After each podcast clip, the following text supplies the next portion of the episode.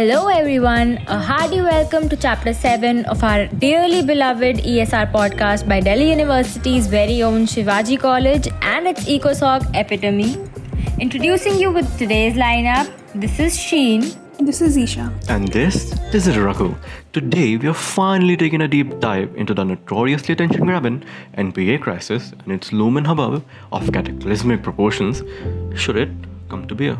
Indeed, akin to staring down the barrel of a loaded gun, decades of regulatory forbearance in the Indian financial machinery have racked non performing asset percentages of startling extents, teetering dangerously close to crumbling. Yes, uh, yes, Isha, that's exactly what this chapter highlights how regulatory forbearance should should only been a momentary medicine as a correctional pill for a distressed credit flow, not a long-term crutch propping up a quickly rotting, hollowed up system. It just doesn't work out that way. Very well. It's been a rocky path indeed, culminating in rocky outcomes.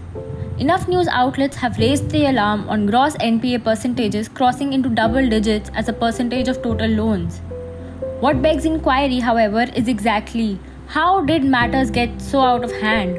Where did it begin? Exactly, Shin. We can only hope to elevate maladies of the present by tracing the symptoms of the past. And in the case of the NPA crisis, it can be traced right back to the 2008's GFC, global financial crisis, that's it. A worldwide recession rightfully did beget a period of financial forbearance to ensure ongoing projects don't suffer constrained credit flows as they tried navigating their way out of the slum.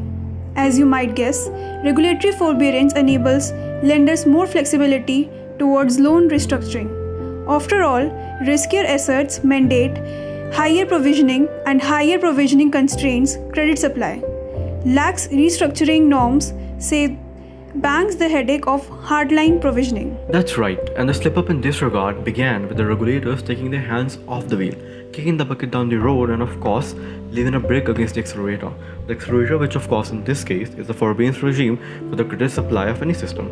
Anyhow, see, now that accommodating forbearance, it should have been a one off measure, then was extended for decades post the crisis, which is a big no no for financial sustainability. And that right there was the Pandora's box of unintended consequence. Akin to writing checks you simply cannot cash. Naturally, Raghu, when a crisis comes calling, it often does so on multiple fronts, not just the one. That's what makes it a crisis after all.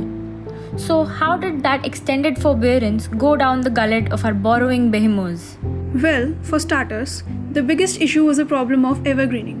As banks were increasingly capital starved and incentivized by the laxity afforded by prolonged forbearance, they handed out extended loans to defaulting large borrowers in the hopes that they would eventually put their house in order and eventually meet their repayments.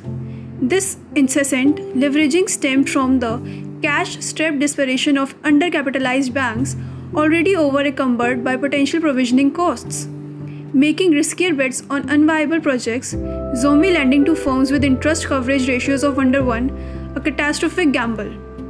Especially an extending fresh loans to pre existing borrowers did not warrant disclosure, while restructuring those same loans, however, did.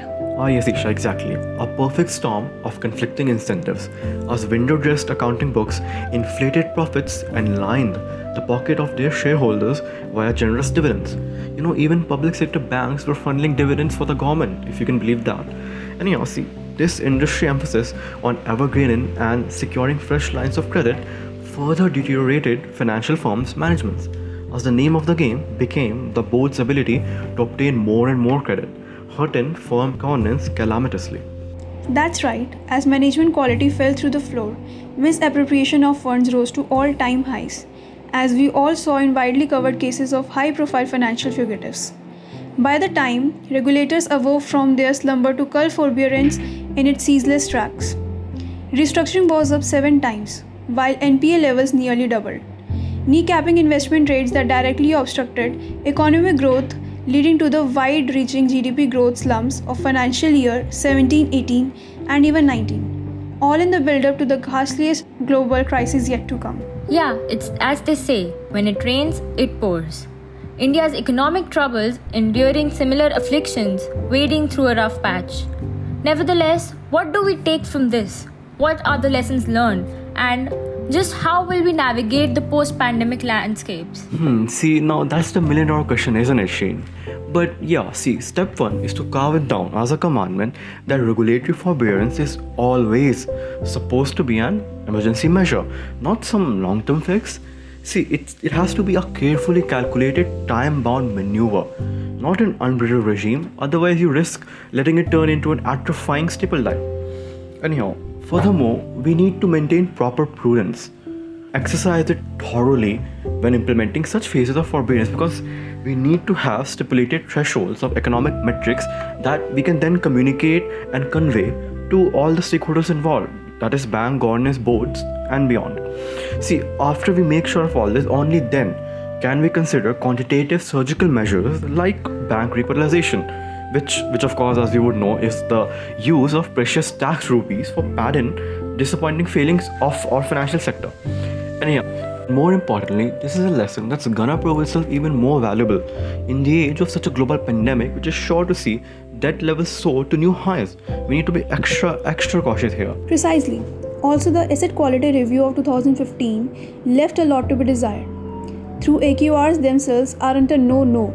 However, the process of implementing it and the steps taken immediately in its aftermath should come with great vigilance.